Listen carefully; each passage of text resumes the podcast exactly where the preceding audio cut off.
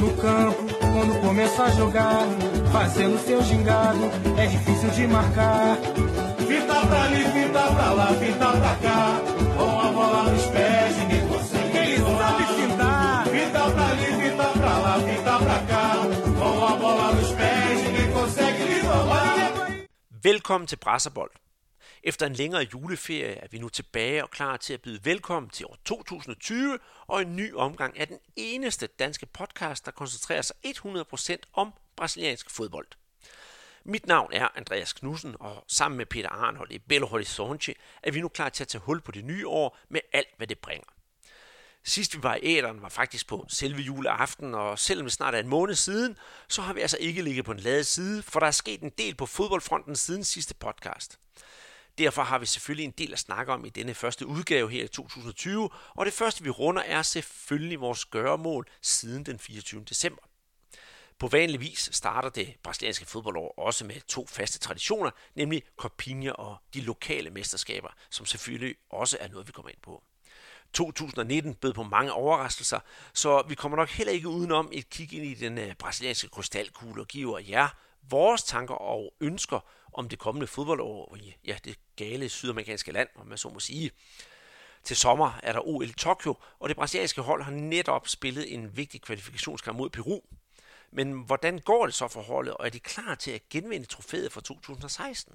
Og når vi i den sammenhæng snakker om OL-landsholdet, ja, så er der jo to navne, der gang på gang dukker op, og det er nemlig Bruno Guimarães og Henje, og vi kigger selvfølgelig nærmere på de to spillere, som PT er på alles læber.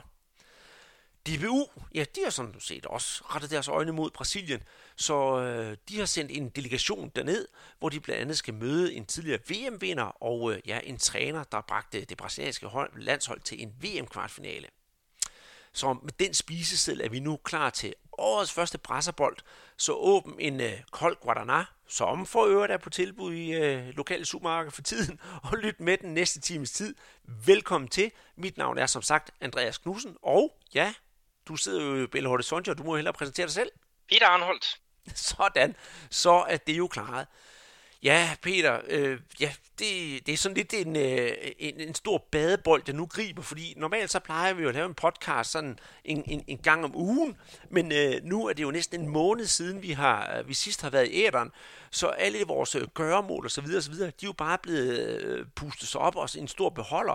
Og den skal vi jo nu levere videre her til, til vores lyttere. Og jeg tænker bare det første, jamen øh, siden vores sidste podcast, den 24. december, øh, hvad har du egentlig fået tid til at gå med, hvis vi ser det med ja, et fodboldmæssigt perspektiv?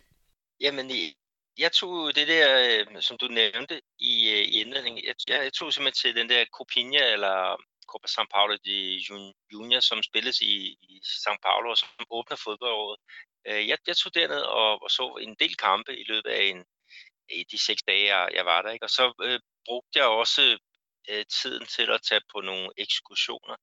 Øh, der er et på Pacaembu, øh, og øh, så tog jeg faktisk også øh, hen til Pelés by, øh, Santos. Altså det er ikke hans fødeby, øh, men, men det var der i, i Santos, at han, han, han blev opdaget som, som fodboldspiller og, og gjorde den der fantastiske ja, succes, der gjorde, at han vandt VM øh, hvad var det, øh, tre gange med, med Brasilien ikke? Og, og blev kåret til verdens bedste fodboldspiller et, et væld af gange. Der har jeg aldrig været før, og, og det, var, det var på tide. Øh, det var en fantastisk tur, jeg havde dernede. Jeg snakkede lidt med vores norske ven, André Østgaard, som jo er Europas største Santos-fan. Og øhm, og øh, en af de ting, han sagde, jeg skulle, det var blandt andet, jeg skulle hen, fordi den hed bare øh, Du Allemand, øh, altså tyskerens bar, fordi der, der har ejeren faktisk et par tatoveringer øh, rundt omkring, og, og det sidste, det, det har han faktisk fået i, i panden øh, med, med sådan et Santos øh, logo, ikke? og det, det er der også en, en historie på, men, men det har vi jo skrevet om inde på, på vores Facebook-side, så skal vi ikke lokke folk øh, derhen og, og finde historien øh, frem.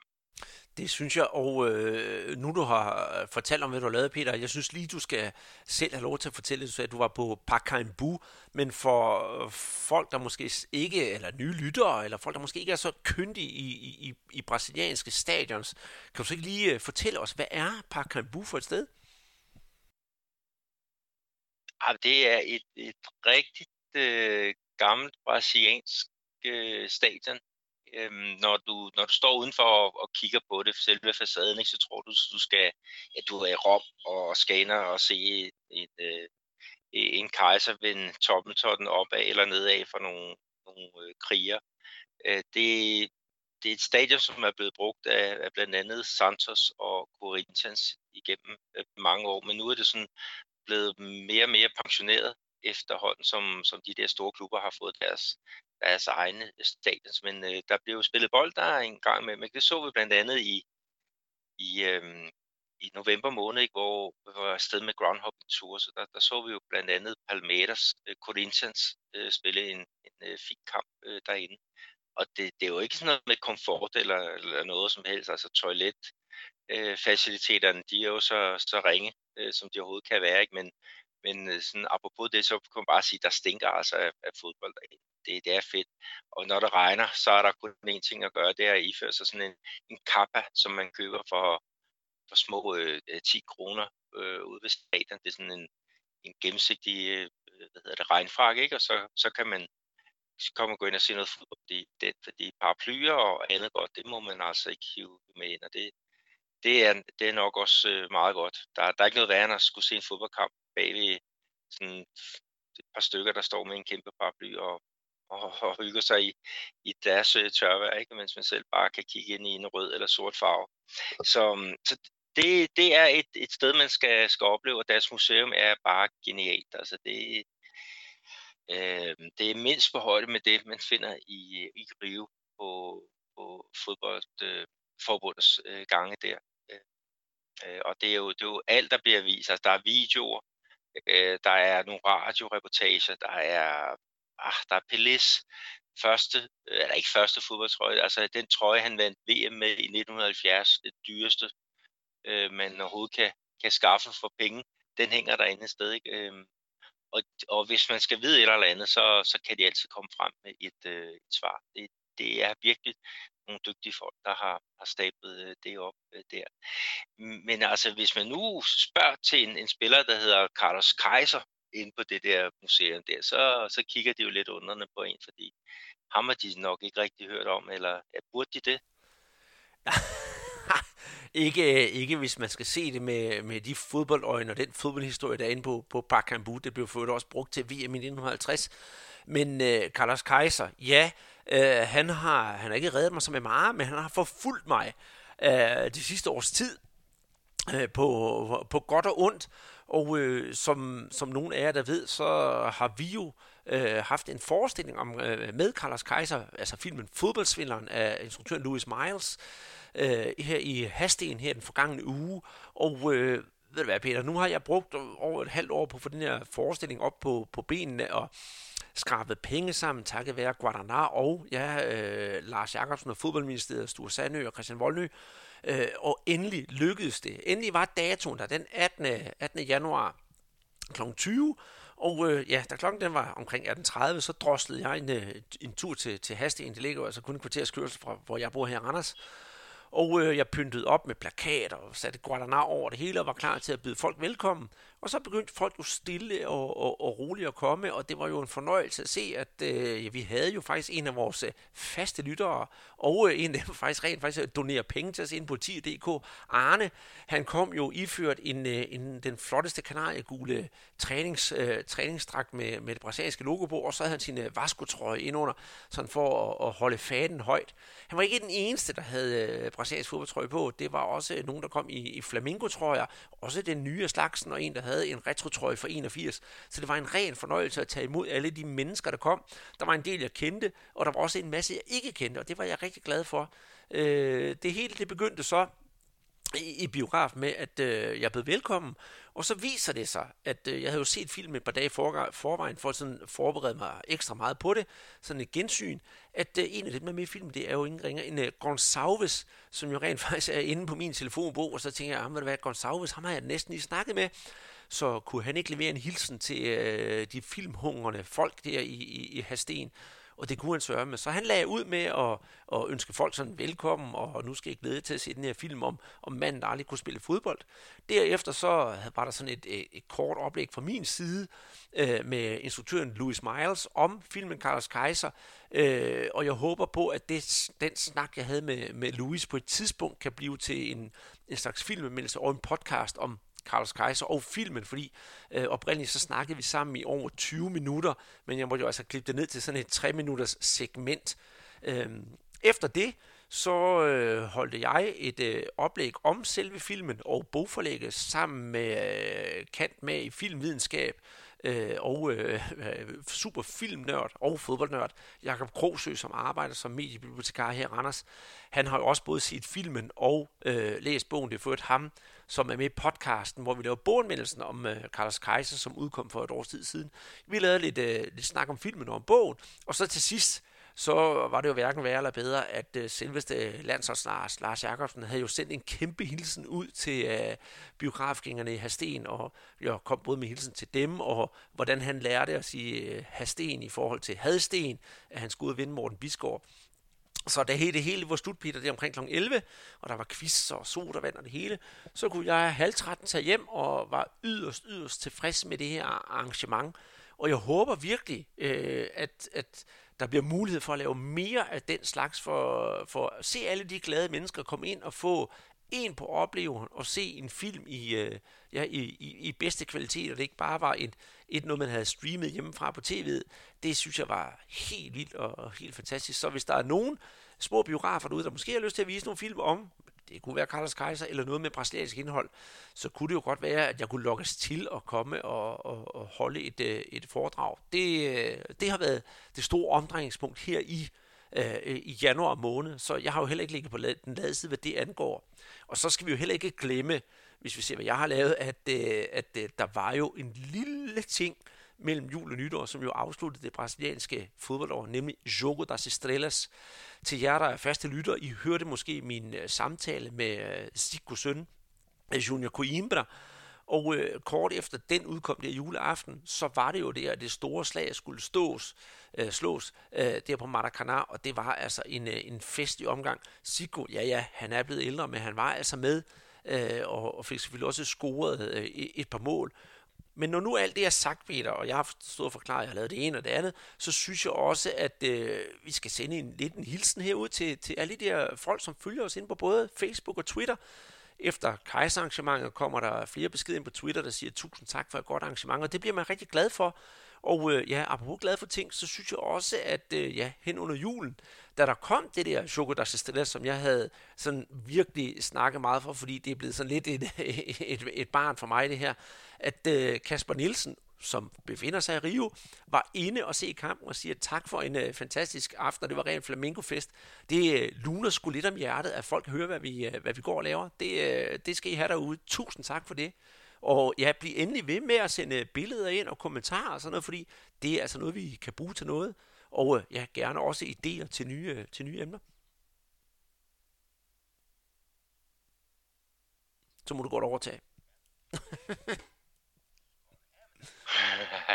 nej, nej. Ja, det ved sgu ikke. Nej, nej.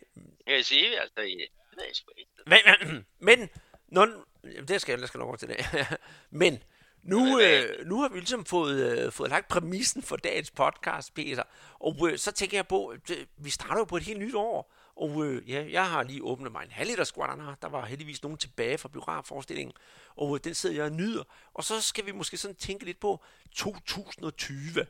Øh, hvad skal vi forvente os af, af det år? Måske både fodboldmæssigt, det er en side af sagen, men også for vores, øh, for vores eget vedkommende. For jeg synes, øh, vi efterhånden får sat en masse skibe i søen, og jeg håber også, at mange af dem de, øh, de kommer i havn.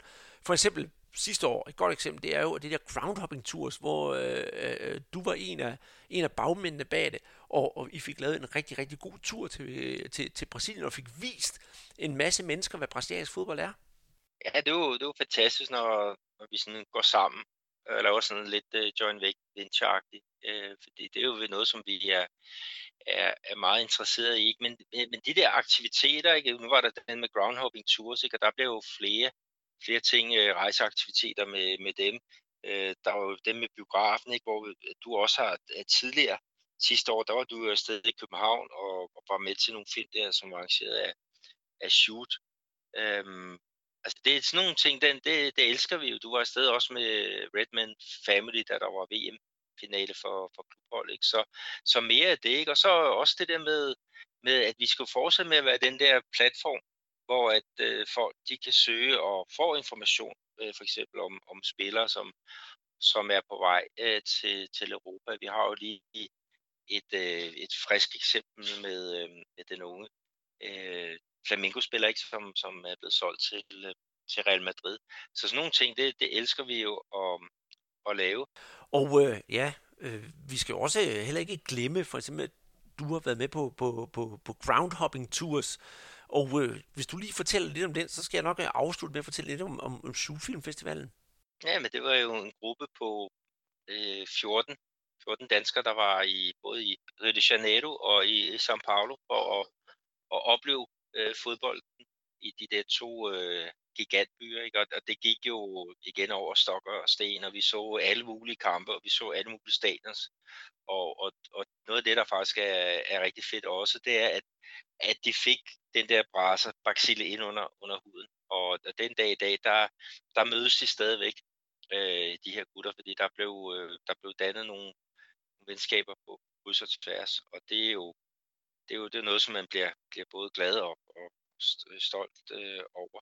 Altså Nikolaj Bryde Nielsen, der, der har øh, Groundhopping Tours, han har fat i noget, noget rigtig øh, godt, øh, og det er, for at sige det på, på godt dansk, det er fodbold øh, med, med kærlighed. Øh, det, og det lyder lidt hippieagtigt, men øh, det, det, det er sådan, det, det, det fungerer og øh, det skal han endelig fortsætte med, og vi kommer til at lave nogle flere ture med dem Øh, her i, øh, i løbet af, af, af 2020. Og så er der jo også noget andet, noget som, som fyldte noget sidste år, Andreas, som, som forhåbentlig også kommer til at, at fylde i, i år, og det er jo øh, den her øh, Shoot Festival. Det er nemlig rigtigt, det er dokumentarfilmfestival, eller filmfestival, det er ikke dokumentar det hele, om, øh, om, om fodbold, som fortrinsvis foregår i København. Sidste år var det i marts måned, og det er det også i år, fra den 15. 5. til den 8. marts.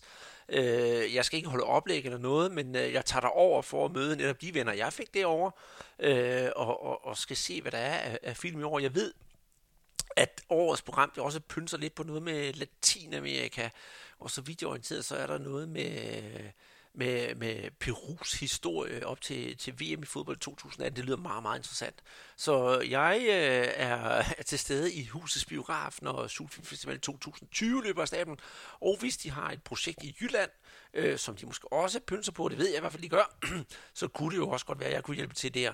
Så det glæder jeg mig enormt meget til, at håbe også, at vi fremadrettet med dem kunne få et, øh, et rigtig, rigtig godt øh, samarbejde. Men øh, så meget det, Peter. Men hvad så med selve fodbolden i, øh, i, i Brasilien? For der har vi da også de kæmpe store forventninger, fordi vi har jo et, øh, et, et, et Copa America i år, blandt andet. Øh, og, og, og hvad kan vi sige om det, synes du indtil videre? Fordi Brasilien, de øh, har jo et stort å på deres skuldre, det har de altid, på fodbold angår. Men øh, de vandt jo i 2019. Skal de så også vinde her i 2020?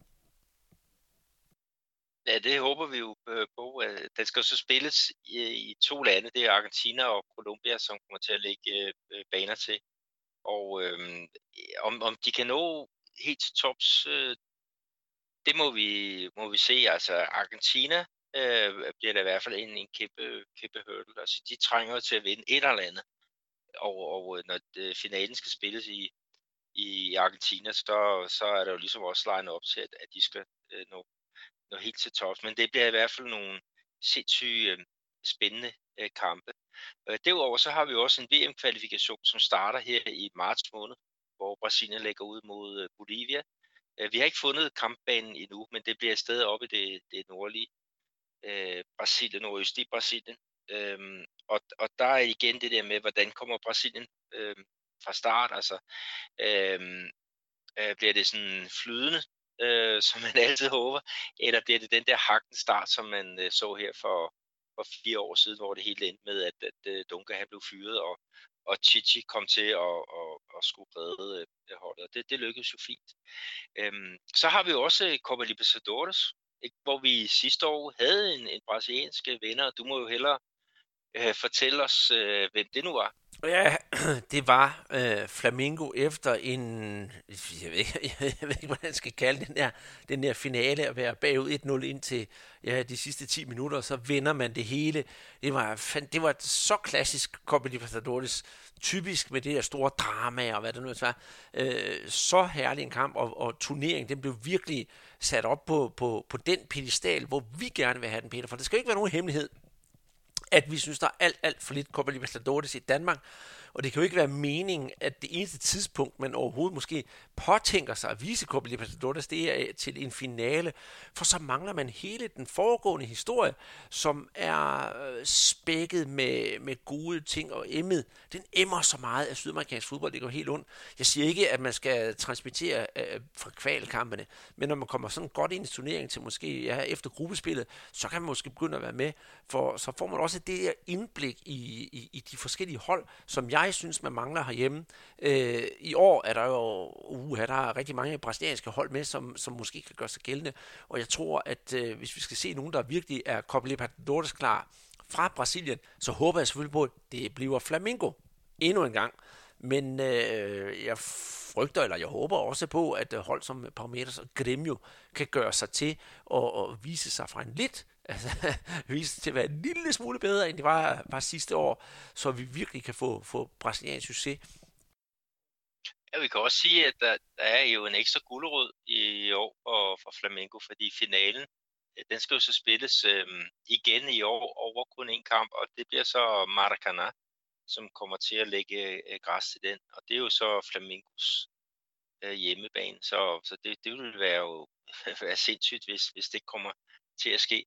Og hvis de nu klarer det og, og, og vinder den her øh, turnering, ikke, så skal vi jo igen på et, øh, en, ja, en omgang øh, VM for, for klubhold. Øh, og det bliver så sidste år med den øh, struktur, de har lige nu, og her ikke med, med syv hold. Der er jo planer om i, i 2021, at der skal der deltage 32 hold.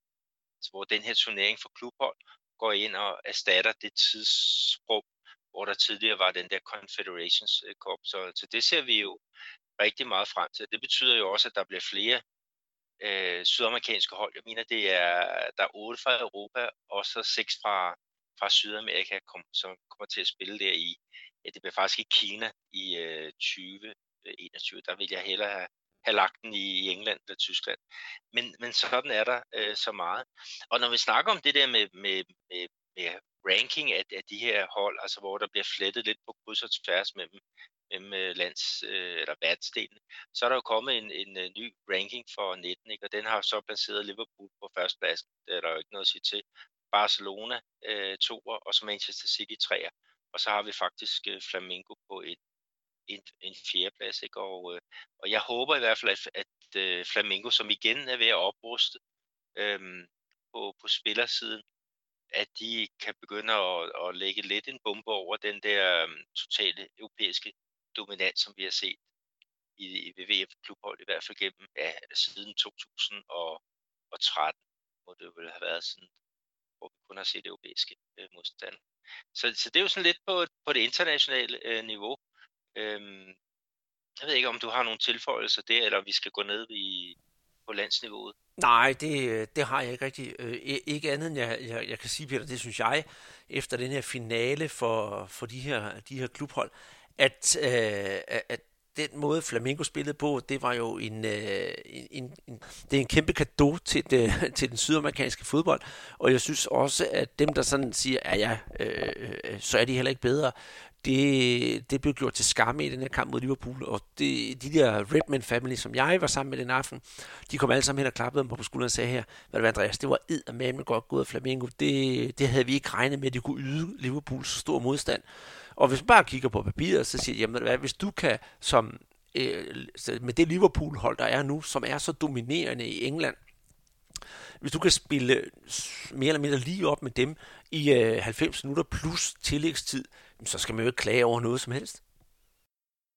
Nej, jeg synes virkelig, at, at det, det ser spændende ud, det de, øh, de har gang i. Og, og de sælger godt nok nogle, nogle unge stortalenter, men så hiver de jo nogle, nogle dygtige spillere øh, tilbage, som absolut ikke har, har, har sidste salgsdato. Det så vi jo med, med Rafinha, det så vi med øh, Philippe Louis, så det, det så vi med, med faktisk en del af de, de spiller Gerson, som, som, øh, var, øh, som, som flere europæiske klubber nu har fået kig på igen, efter han kom tilbage fra, mm, fra øh, italiensk øh, fodbold. Ikke? Så, så det, det ser lovende ud. Øh, så kan man så bare spørge sig om, om her øh, i Brasilien, om, om Flamengo måske bliver, bliver for stærke, øh, når vi snakker Serie A. Jeg ved ikke, øh, hvordan, ser, hvordan ser du Serie A i 2020?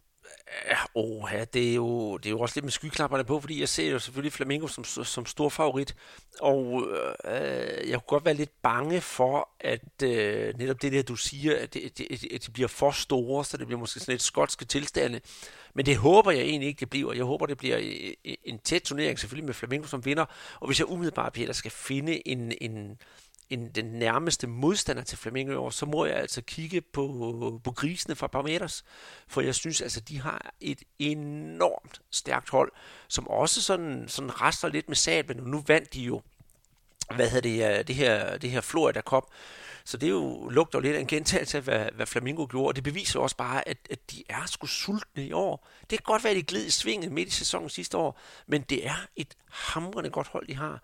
Og så er der øh, Gremio, dem har jeg altså også en, en god fidus til. De virker ikke som om, de har oprustet så gevaldigt meget, men de har bare en solid stamme og en god basis, så, så de tre hold forventer jeg i hvert fald ligger i top 5, uanset hvad.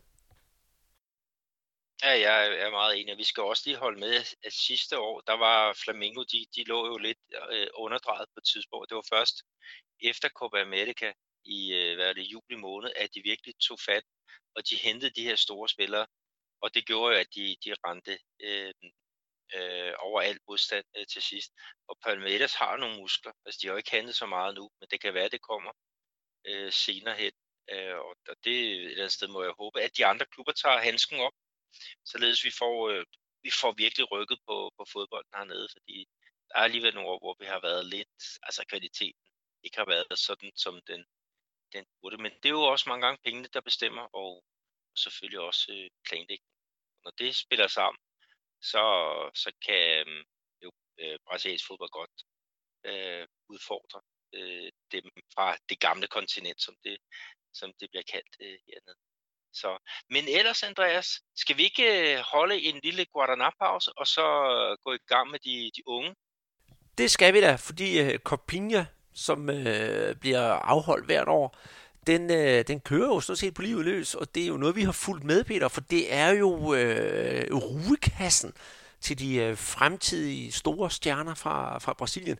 Og øh, du har jo været den onkel rejsende mak, Øh, og inden vi skal høre om din øh, rejseberetning, eller hvad jeg skal kalde det, så synes jeg da, jeg sætter lige en skiller på, og så kan vi lige øh, få os en, en, en tår guaraná, så vi er lavet op til at høre, hvad du har at sige.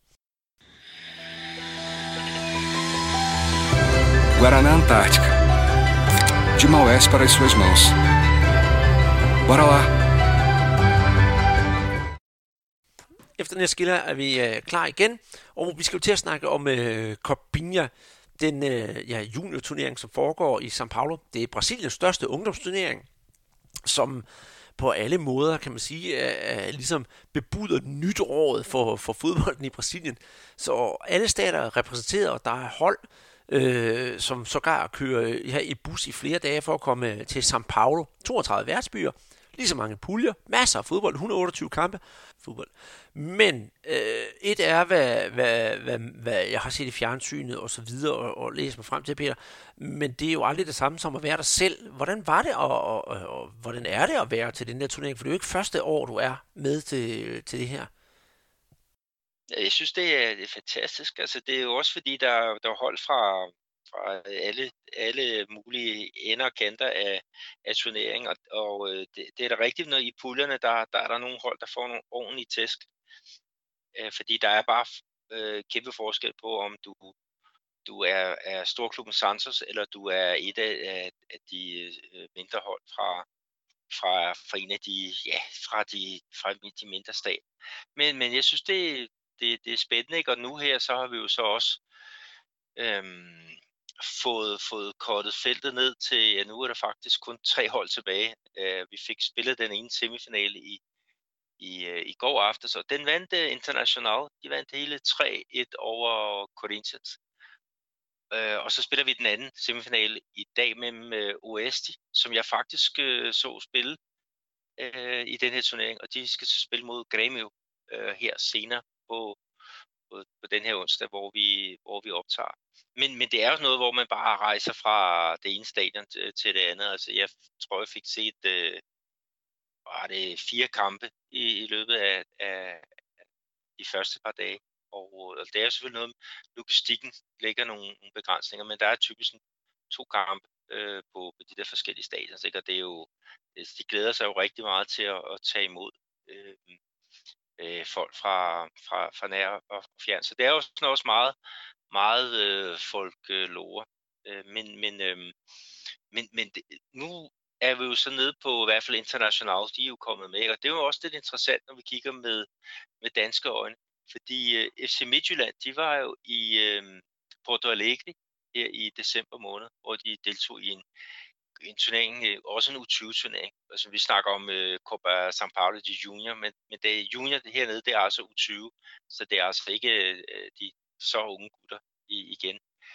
Um, og, og der mødte øh, Midtjylland, de mødte faktisk øh, International og, og spillede 0-0. Og jeg kiggede lidt på, på opstillingerne. Altså øh, fra det hold, der mødte øh, Ulvene der i starten af, af december, og så til det hold, som de stillede med her i, i går i semifinalen, ikke? der er der altså otte øh, hvad hedder det, genganger. Øh, så, så det er et eller andet sted øh, øh bare sjovt at, at kigge på. Øh, Midtjylland, de tabte så også 1-0 til Atletico Mineiro som altså blev sendt ud med et 4-1 nederlag til, øh, til Grêmio, som jo er i den her øh, anden øh, semifinal. Så det er sådan lidt for at, at få blandet lidt øh, med, hvordan er på. Jeg synes, det er fantastisk, at Midtjylland kommer afsted. De tog afsted med, med Hammerby, og jeg håber også, de kommer herned igen, så vi kan få målt øh, lidt på, øh, på, kryds og, og, og tværs. Men, men ellers så kan vi sige, at, at finalen den skal jo spilles på lørdag, og det er jo så Pacaembu, det gamle stadion, vi snakkede om tidligere, ikke? I, her i, i, i São Paulo, ikke her i São Paulo, i São Paulo. Og øh, den skal så spilles øh, på det, der er São Paulos øh, fødselsdag. Og øh, det er lidt sjovt, ikke, at det kan jo hele kan jo ende med et Grenau øh, Classico øh, her i, i São Paulo. Så vi rykker et eller andet sted en stor rivalitet fra det sydlige Brasilien og så op til, øh, øh, til São Paulo. Og, og øh, der skal nok blive, blive knald på, og jeg, jeg kunne godt tænke mig faktisk at se kamp. Men øh, det, det går ikke lige her. Jeg, jeg, jeg ser noget fodbold her i, i nærområdet. Men hvor meget har du fået fulgt med i den her turnering? Jamen altså, jeg har mest fulgt med i øh, på papiret og, og, og, og læst nyheder om det, Peter. Så jeg stoler mere på din øh, live-beretning. Og jeg har set det på enkelte kampe, det har været okay underholdning, men der er ikke noget, der sådan rigtig har, har, har blæst mig bagud. Og det er måske også, fordi jeg ikke har fulgt så gevaldigt meget med, som jeg har gjort nogle af de andre år. Men der er noget, jeg tænker på, når vi har den her turnering, for det er jo ikke nogen hemmelighed, at øh, vi siger jo, det er her alle de nye og store spillere, de, øh, de kommer frem. Øh, nu kan jeg nævne Jose Oseni, den legendariske målmand, som vi kommer ind på sidst i programmet. Han blev, øh, kan man sige, øh, ikke opfundet, men det var ham, man så første gang ved den her turnering. Øh, São Paulo-spilleren Socrates lillebror, Hai var også en af dem. Og så er der jo selvfølgelig manden over dem Neymar, som også slog igennem med den her turnering. Og så kommer vi selvfølgelig også til at nævne en, som øh, det følger du nu op på her senere, øh, lige efter mig, det er jo, øh, hvad, hvad hedder han, øh, Daner. Han blev slået også igennem. Øh, Daner, han var en øh, midtbanespiller fra, fra Portuguesa, som øh, gav titlen til hold tilbage i 1991, og på det her tidspunkt, så blev han øh, betragtet som være den bedste spiller af, af, af sin, øh, sin generation, og øh, kom senere til, til Vasco. Desværre øh, døde Dana i 94 i en, øh, i en bilulykke, kun, øh, kun 23 år gammel. Men når man nu nævner de her spillere, Peter, det er jo store navne, og du har været ude og se så mange kampe. Øh, hvordan er det så? Er der langt imellem snapsene, eller, øh, øh eller kan man bare sidde næsten ved hver anden kamp og sige, vil det være ham der, tror jeg bliver til noget, ham der, tror jeg bliver til noget? Jeg synes, der, der er der er noget ja, langt mellem øh, snaps, for at bruge dit øh, udtryk, ikke? Og, og specielt i starten af, af turneringerne, ikke? fordi det, der er så stor niveauforskel på, på, på nogle af, af holdene. Men jeg, jeg synes altså jeg, alligevel, jeg, jeg så nogle, øh, nogle spændende øh, spillere, ikke? og det er faktisk også øh, nu her, hvor at, øh, at turneringen er ved at være færdig, og der er nogle hold, der er, er ved at og, og, øh, skulle i gang med, med, med deres øh, rigtige øh, turneringer, altså senior. Der er jo så nogle af dem, der, der bliver prøvet af, ikke? og det, det kommer vi til at se her øh, senere i, øh, i, i dag, hvor der er blandt andet øh, Palmeiras, øh, Gabriel Menino er en, en ung spiller, som, som får chancen på deres øh, defensive midtbane. Ikke? Og, og de burde også have prøvet med Gabriel Veron, som, som blev kåret til, til VM's 17 VM's øh, bedste spiller her øh, tidligere i, i år, eller tidligere sidste år. Øh, men han, han har så rykket op i, i førsteholdsgruppen. Men, men der er altså nogen, der tager det, det skridt fra, fra, fra den her U20-turnering, og så, så til at blive rykket op i, i professionelt regi. Ikke? Og så bliver det jo så spændende at se, om hvor, langt, øh, hvor lang tid det tager at, at få, få fodfæste der. Men altså nu havde du et par rigtig gode navne, men, øh, men for eksempel Gabriel øh, Jesus, det var jo det samme. Altså han, han slog igennem her som, jeg tror han var 17-årig, og, og øh, ret kort tid derefter, så var han øh, angriber på Palmeiras øh, første år. Øh, jeg har sådan lige ikke lidt navn. Jeg kan sige, at øh, det bliver den nye Neymar, eller det bliver den nye øh, Gabriel Martinelli. Øh, Gabriel Martinelli, han, han scorede jo rigtig mange mål øh, i turneringen sidste år, og, og gør det jo rigtig godt i Arsenal, øh, bare her øh, mindre end et, et år efter. Øh, så så, så øh, der, der kommer helt sikkert, øh, vi kommer til at, at, at støde på nogle af de navne herfra om ja, løbet af næste halve år øh, til, til et år. Og der er jo så også... Det spændende. Mm, det er det, det er det, det er det. Og så er der også det der, hvor man siger, ej, er, er der en spiller, som jeg her på papiret ser ud til at være fremragende, og ham glæder vi os til at se. Og så, så slår det jo ikke rigtig igennem. Vi har flere gange nævnt en, øh, en spiller, der hedder Douglas Baggio, som jeg havde enormt store forventninger til, men, men var en af dem, der stråler ved, ved, ved Copinha, men så falder, falder igennem. Der har også været en anden spiller, der Adrian, også fra Flamingo, og en, der hedder Thiago Luis, hvor man sagde, gud, det bliver det helt store. Så, øh, så på den måde, så kan Copinha både være top og flop, hvad det angår, men i hele taget så, så bare se, øh, se hvordan fodbolden også er i Brasilien, for det er jo også sådan lidt, øh, går jeg ud fra, altså, i hvert fald min mening, at det er også en måde at se på, hvor er den brasilianske fodbold på vej hen? Ja, det, det, det, kan du, det kan du sige, ikke? og der, der er jo hele tiden nogle, nogle, nogle klubber, der, der dukker op, altså, som man ikke har hørt om før. Altså, der er mange klubber, som ikke har ja, maks 10 år på banen, men, men allerede har formået at, at sætte noget, øh, noget, noget fornuftigt i, i, i søen. Og øh, ja, øh, altså, men det er jo de store klubber, der, der dominerer, ikke? Og, og vil sige, her i, i, i semifinalerne, ikke? der var kun et hold uden fra Serie A, som, som ikke er noget så langt, og det var Uesti, der, der spiller i, i Serie B. Ikke? Men, men altså, når vi snakker om de der lokale øh, klubber, ikke? Cruzeiro, som vi holder til her i min, min baghave, altså de, de blev slået ud i, jeg tror det var i kvartfinalen højst øh, overraskende, men der er nogle af dem, som, som kommer til at sidde på bænken, når de tager hul på de regionale mesterskaber her senere i, i, øh, i dag. Og der er en, der hedder Kai Rosa, som man, man forventer sig rigtig meget af. Og han gjorde også nogle, nogle rigtig, rigtig spændende ting i, i den kamp, jeg, jeg så den øh, øh spille her. Men, men denne øh, historien, øh, der kunne jeg så sige, at de har jo hædret ham, øh, den her unge spiller, ved at de øh, har lavet en pris, Premio Dana, hvor man kårer turneringens bedste mål. Og øh, der er bedste bud indtil videre i et øh, mål, som blev sat ind af den bare 16-årige Bruno, øh, som spiller i Red Bull Brasil. Og det var i en, øh, jeg tror, en, en 16. dels finale mod øh, Serra fra den lille stat i Spirito Santos. Altså, hold fast, han afdribler simpelthen fire spillere, inden han, han øh, tæt ind under mål øh, sætter bolden i, i kassen. Det var, det var øh, virkelig en, en klassescoring, og jeg håber, at, at, at øh, han vinder den. Også altså en 16-årig, der, der laver de, de der, øh, øh, hvad hedder det, øh, lege med, med, med nogen, der er op til fire år ældre, det synes jeg også fortjener en, en, øh, en, øh, en, en fremhævelse. Ikke? Og, øh, ja, måske en, en Puskas Award. Ja, jeg, jeg ved det ikke. Øh, jeg, jeg synes, det kunne være sjovt at se ham i det selskab. Ja, det, det, det, det er jeg da enig med dig i. Og jeg kan faktisk ikke huske, hvornår har Brasilien sidst haft en Puskas Award? Skal vi tilbage til, øh, til Neymar i 2011 måske? Ja, jeg kan ikke, øh, men jeg kan ikke huske det, men lad, lad det nu ligge. Men øh, hvis vi nu kigger her, nu har vi haft lidt snak om de unge, kan man sige.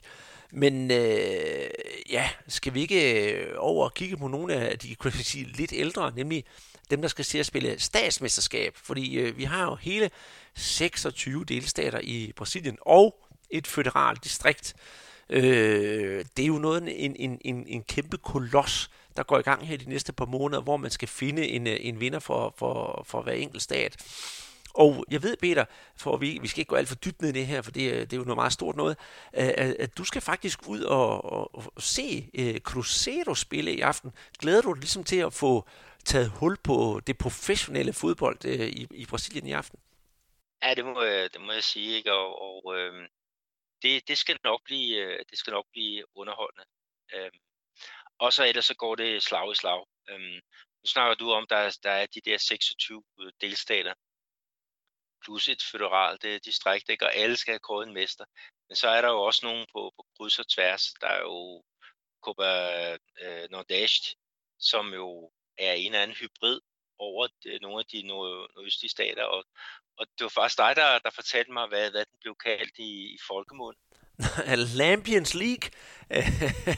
Øh, øh, det er rigtigt efter den øh, nu berømte, men før i tiden meget, meget berygtede øh, øh, øh, hvad kan man sige, landevejsrøver, øh, ja, kriminelle øh, Gangacero, altså en cowboy, der var oppe i nu, måske en Lampignon, og øh, den er opkaldt efter Lampions League, og øh, pokalen er også opkaldt efter noget, noget typisk øh, noget østbrasilian, brasiliansk, og den hedder Asa Branca, efter en meget, meget kendt folkesang deroppe fra.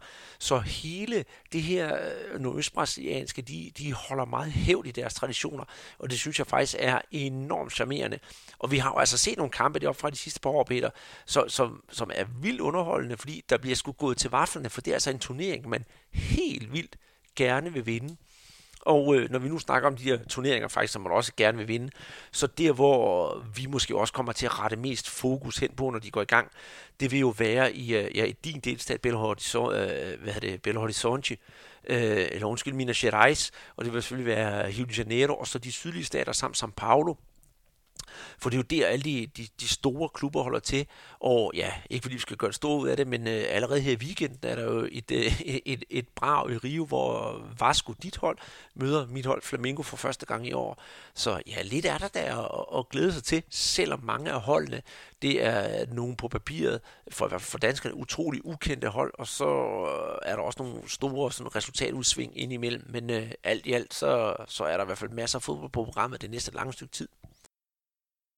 Ja, altså, når vi snakker jo sammen, så, så lægger vi jo ikke skud på, vi vil gerne se, at den her Serie A, den, den kører over længere tid. Det er jo sådan, at øh, der spillet de regionale mesterskaber, der ligger den danskdækkende turnering stille. Den starter jo først i, i slutningen af april, og det gør jo så, at man skal spille en ekstra, ja, øh, mange kampe på, på kort tid. Øh, der er jo 38 runder i, i Serie A, og den spiller man så på ja, 6 til, til 7 måneder, ikke? hvor andre de, i England for eksempel, de bruger Øhm, de bruger jo 11 måneder til at, at gøre det.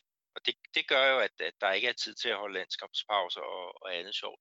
Det prøver man så i, i år, men, men øh, rent sportsligt, så, så hænger det bedre sammen, hvis man, hvis man lod øh, Serie A øh, køre over, over 10-11 måneder, som man, man ser andre steder.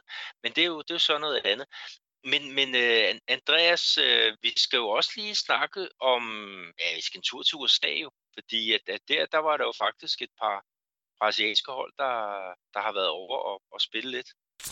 Ja, Florida Cup, det er jo sådan en fin opvarmningsturnering, man har, øh, ja, i hvert fald op til det brasilianske fodboldår, øh, hvor der er, det er en fireholdsturnering, og det i år, øh, denne år, det års udgave, der var der altså to hold med. Det ene var Palmeiras, og det andet var, var Corinthians.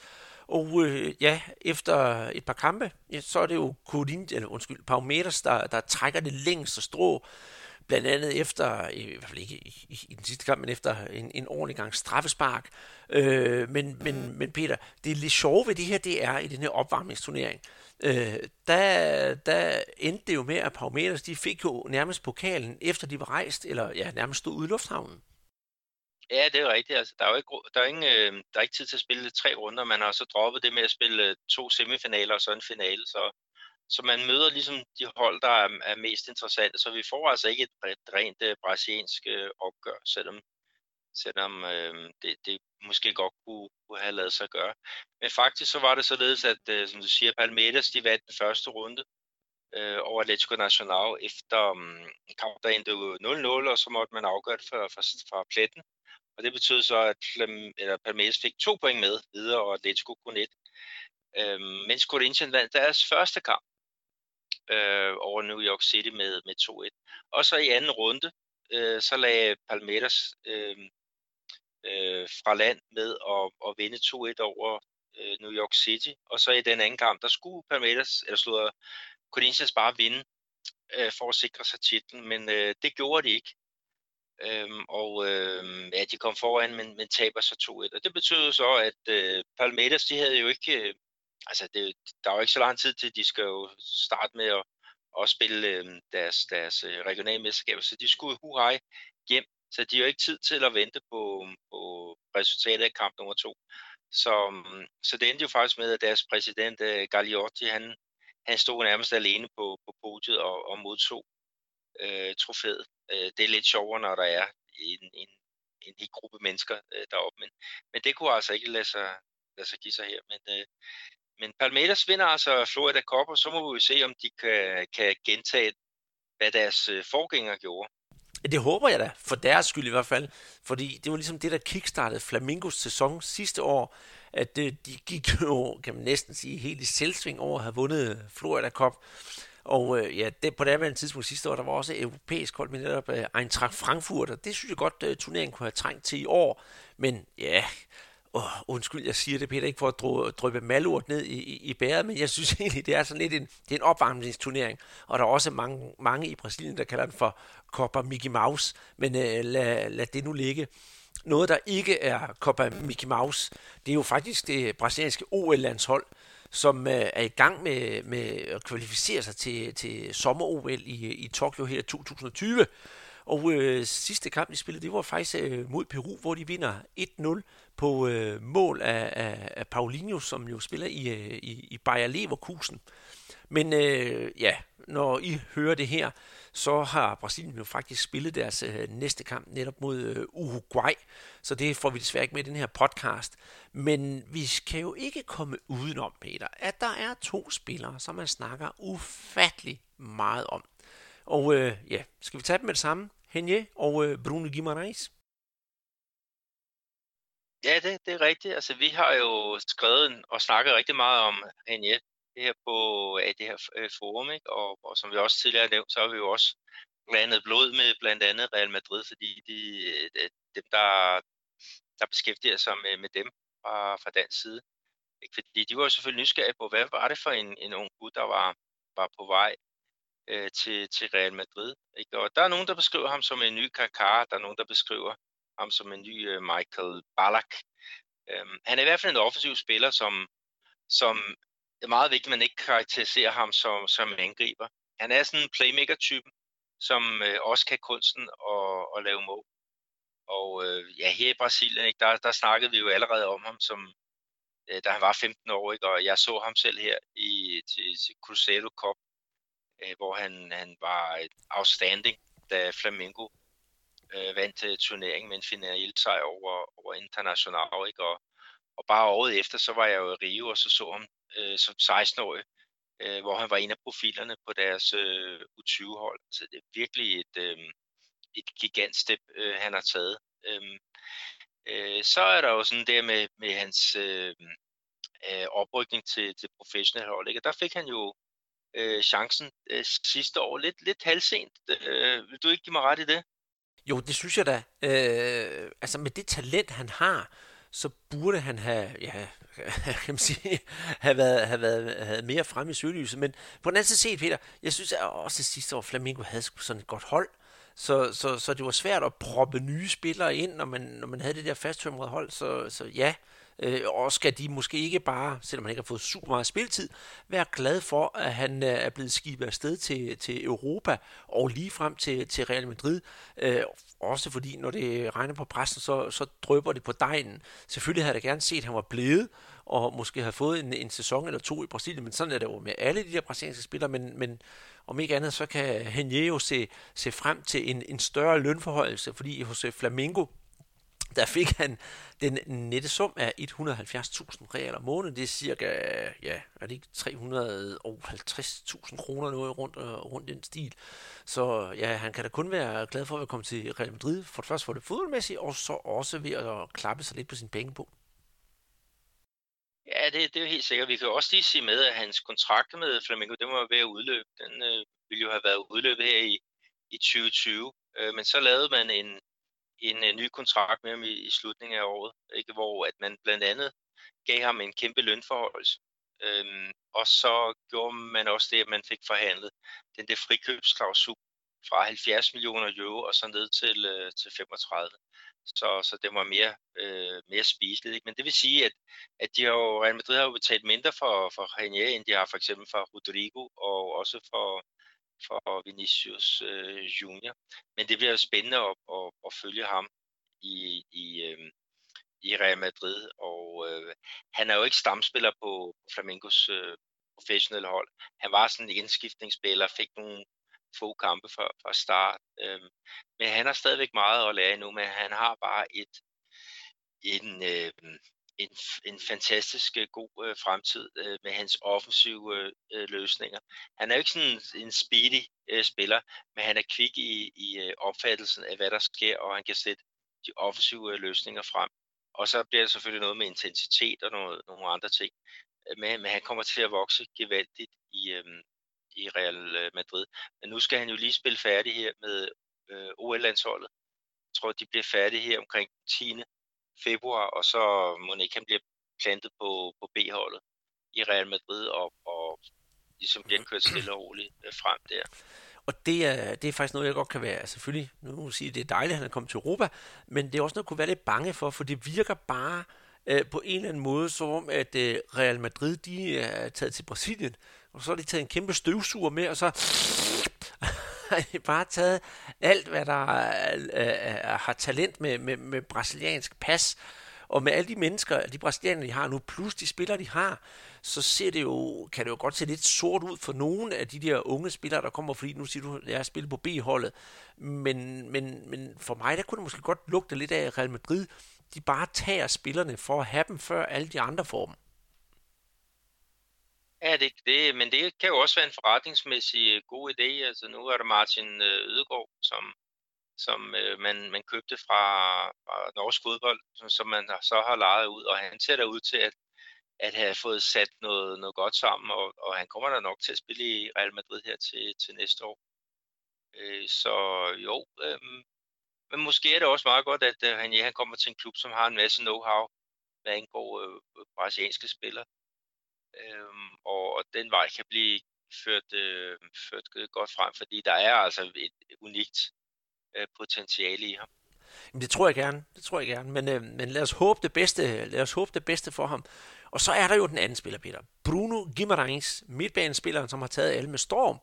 Og ja, øh, han spiller for, hvad hedder det, Atletico Paranaense, 22 år gammel, øh, anfører på U23-landsholdet, som jo, ja, som sagt, forsøger at, at kvalificere sig til, til, til UL i Tokyo. Øh, der har været snakket om Arsenal, der har været snakket om Benfica, der har været også snakket om, øh, om, om Lyon. Og jamen, altså, han er jo fremragende. Øh, kan spille begge veje, og, og i det hele taget er en yderst øh, charmerende spiller. Øh, hvad, hvad har du at sige til ham? Jamen altså, en af grundene til, at Atletico Paranense, de, de får meget ros hernede, ikke? det er jo blandt andet en type som, som ham, fordi det var et af de hold, der kan sætte spillet. Og der er han øh, en fantastisk vigtig brik i det. Altså, han, han, øh, han er den, der kan finde igen de der offensive, offensive løsninger, som vi snakkede om med Renier. Øh, ham her, han ligger så bare dybere i, i banen og, øh, og øh, har noget fantastisk godt øh, løb også i feltet. og vi så ham jo brillere øh, her mod, mod Peru. Øhm, ikke bare som, som afslutter, han har et fantastisk skud som, som øh, målmand for, for pareret, men, men øh, det er jo ham, der lægger op til, til målet, øh, hvor han, han finder en, en, en, øh, en, en Paulinho, som er, er rykket i, i dybden, og der er ikke ret meget plads til at slå den der aflevering. Men den ligger hårdt og fladt og, og præcist. Og så må man selvfølgelig også give Paulinho en masse roser med på vejen, fordi han er uden spidsvinkel, men får den alligevel prikket forbi den øh, øh, peruanske øh, keeper. Men, men, men øh, jeg snakkede faktisk med Vascos øh, øh, sportsdirektør her i, ja, det var i juli øh, sidste måned. Der havde vi været inde og se Flamingo spille mod Atletico Paranaense, og, og øh, han, han øh, slikkede sig om munden, altså han sagde, at det er jo sådan en spiller, alle drømmer om, fordi det jo har været et problem i Brasilien at få lavet de der tovejs øh, midtbanespillere. Øh, enten så kunne de forsvare, eller også så kunne de kun angribe. Ikke? Og vi, vi har fået nogle, nogle flere af, af, af de mere komplette øh, midtbane øh, dygtige men, men han har måske lidt øh, Arthur over sig. Øhm, øh, Bruno Guimaraes, men han er mere direkte på den mange, der synes, han minder om, om Paul, som jo spillede i Tottenham og spillede på det Brasilien. der er nogen, der vil sige, at ah, det, det er negativt, det er ikke godt, men altså Paulinho er en fantastisk effektiv øh, spiller, så, så hvis man skal beskrive ham, så er det måske en, en, en meget bedre Paulinho, øh, for ligesom at få, få, få skåret alt det negative øh, øh ved, når man, når man bruger øh, Paulinhos øh, navn. Mm. Så ja, hold øje med ham, når han, øh, han træder op her i, i Europa, fordi det, det er altså både Bruno, Bruno Guimaraens og Henje, nogen, øh, der er værd at have et, øh, et øje på. Og øh, når nu vi nu også øh, snakker om det her med, med, med Brasilien som det store fodboldland, det nu er, så kan vi jo heller ikke komme udenom noget. Det sidste, vi skal snakke om her i podcasten, Peter, det er jo den øh, rejse, som DBU har lavet til, til Brasilien, hvor øh, Svend Pedersen har arrangeret, at øh, de, de skal derned Øh, men øh, det hele står faktisk inde på, på, på DBU's, eller en del af det står inde på DBU's hjemmeside.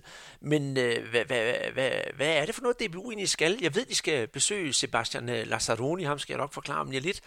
Og så skal de jo også besøge øh, Jair Sinjo, en VM-vinder fra, fra 1970. Men øh, ja, lad os da egentlig starte med, med Jair Sinjo. Det, det er jo sådan en, en, en trænertur, som øh, DBU øh, i Jylland, en af regionerne, det arrangerer. Det gør det jo så hvert år. Det er så det ene er Argentina, det andet år er, er Brasilien. Jeg har, jo, jeg har ikke selv øh, været med på nogle af turene, og jeg er jo ikke ind over øh, overhovedet. Men, men øh, det er jo for, for trænere, de kan komme ned og, og blive, øh, blive inspireret. Øhm, og det vil så sige, at det er jo også meget mere træner, end for eksempel der vi har med Groundhogging Tours, hvor det er, er mere ude at opleve øh, fodbolden og opleve stadions og, og, øh, og øh, fodboldkultur. Men det får de jo også med på en eller anden led der i, i, øh, i svensk regi. Men jo, Jairzinho, øh, VM-vinder i 1970 med det brasilianske landshold med Pelé, Tostão, Rivellino og, og hvad det ellers, øh, ellers hed.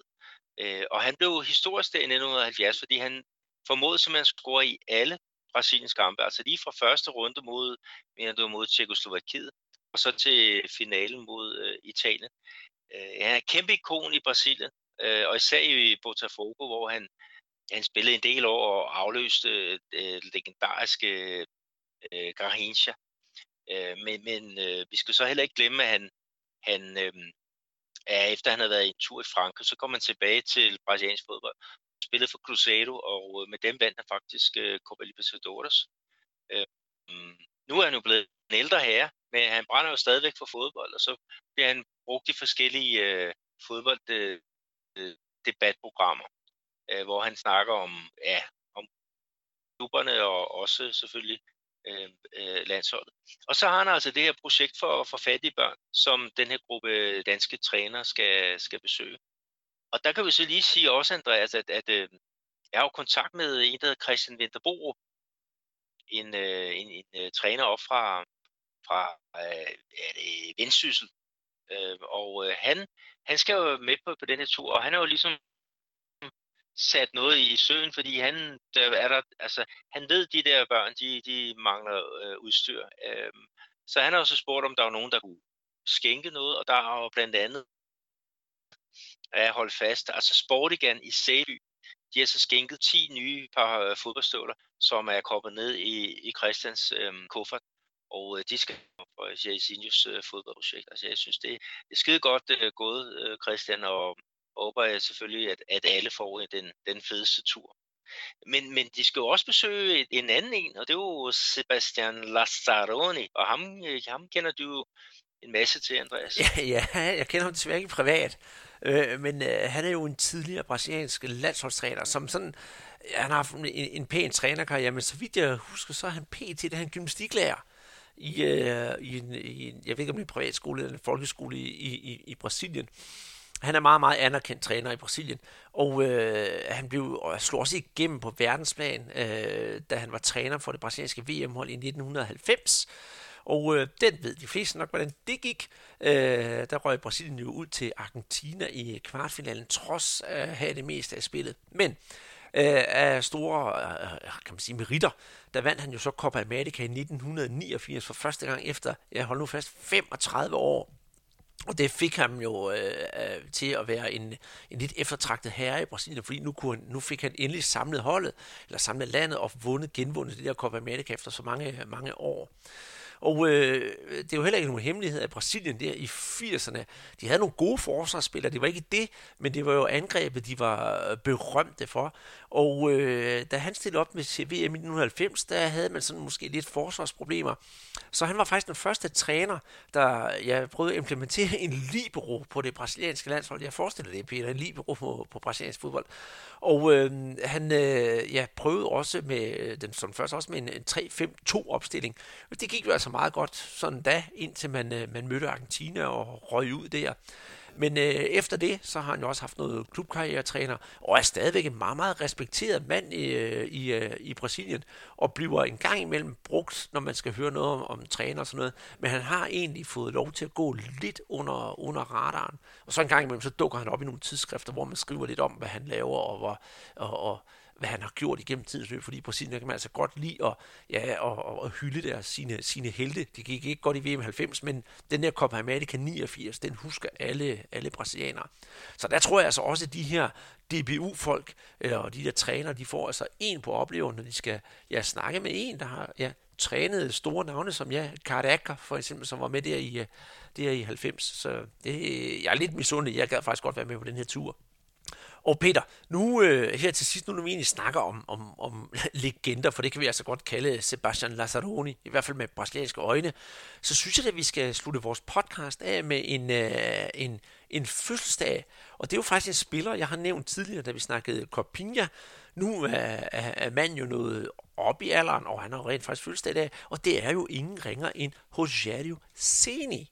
Øh, og han, øh, ja, hvad skal jeg sige, han er jo berømt i hele verden, og især i Brasilien, for han er jo faktisk den målmand, som har scoret aller, aller flest mål i sin professionelle karriere, og han står også i øh, Guinness rekordbog. Og så er han jo indbegrebet af São Paulo. Og så har han jo også været med til at, at, at, at vinde VM. Og hvad er det første, du tænker på, når man siger José Seni? Jamen, så er det jo hans, øh, hans mange mål og, og hans spil med, med fødderne. Øh, der var, altså tidligere havde jo målmændene bare været sådan nogle shotstoppers, men med Roger Seni og, og hans øh, arbejde med, med fødderne, så blev det jo nærmest sådan en, en spilstation. Øh, og, og der var mange af de der, øh, altså hans præcise udspark, øh, øh, der, jo, der jo også gjorde, at, øh, at de virkelig kunne, kunne slå noget, noget hurtigt kontraspil i gang. Men antal mål, altså jeg kigger lige her, altså det er 131 øh, gange, han har, har scoret, godt nok over øh, mange år, ikke? men, men det, det er jo dobbelt så mange som, som nummer to på den der liste over målscorerne øh, målmænd.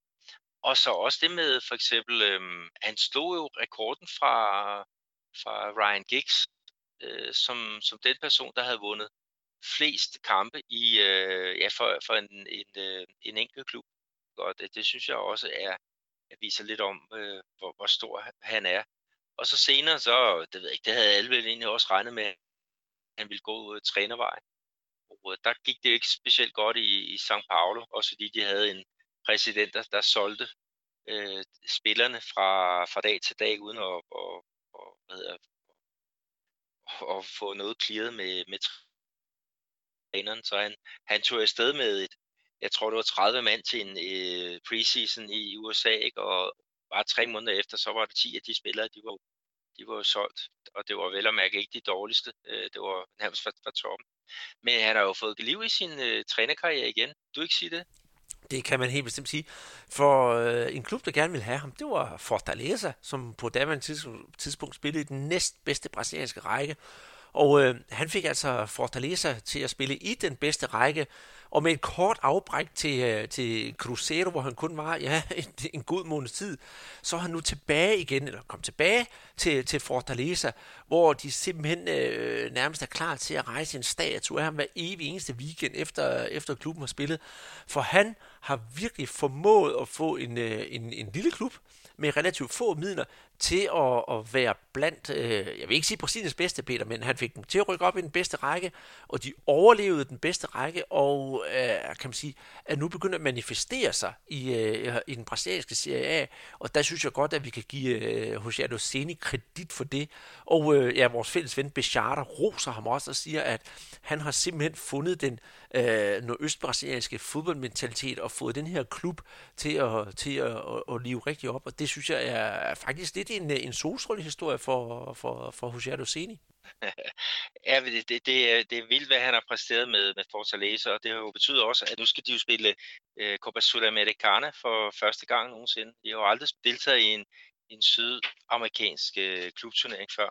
øh, bortset selvfølgelig fra den brasilianske. Ja, men, men uden for landets grænser, der har de ikke, øh, der har de ikke spillet noget. Og det, det, ja, det har, det mønster, det har Rosario Sene via hans seriøse arbejde, det har han været med til at bryde. Mm, og øh, Rosario Seno og Rosario Seni, altså 47 år her i, i dag, hvor det er onsdag, den, øh, den 22. januar. Og med en, øh, ja, et stort tillykke til, øh, til det, ja, det store brasilianske fodboldidol, så lukker vi altså vores øh, første podcast år 2020 ned for den her gang. Husk at øh, følge os ind på Twitter, der skriver vi en del, og øh, der går næsten ikke en dag, uden du har skrevet et lille lækkert oplag, opslag ind på vores Facebook-side. Det glæder mig meget, Peter. Og øh, når man så har læst de ting, så går man ind på iTunes, giver os nogle øh, stjerner derinde, så vi kan spise kirsebær med de store fodboldpodcasts. Og så husk endelig også at gå ind på tier.dk, hvor man kan støtte os med et øh, beløb af valgfri størrelse, som man så giver til hver podcast, vi laver. Og jo flere vi får den slags, jo bedre udstyr kan vi få, og jo bedre øh, ja, podcast kan vi lave. Og øh, det vil glæde os meget, hvis I gør det. Og skriv endelig til os inde på Facebook for eksempel, eller på brasserbold.dk. Der vil vi i så vidt vi kan stå til rådighed med vores ekspertise, om det så er på den ene eller på den anden måde. Og med det, så ønsker jeg en rigtig god ja, uge, og håber, vi ses igen i, høres ved igen i næste uge. Og det er med venlig hilsen mig, Andreas Knudsen, her i ja, Randers, og Guadalajara Arctica, og selvfølgelig dig, Peter Arnholdt i uh, Belo Horizonte. Og Peter, inden vi lukker helt ned, du må have en fantastisk god kamp i aften, og hils dem ude på Cruzeiro Stadion. Det kan du tro. Ja, jeg glæder mig øh, allerede.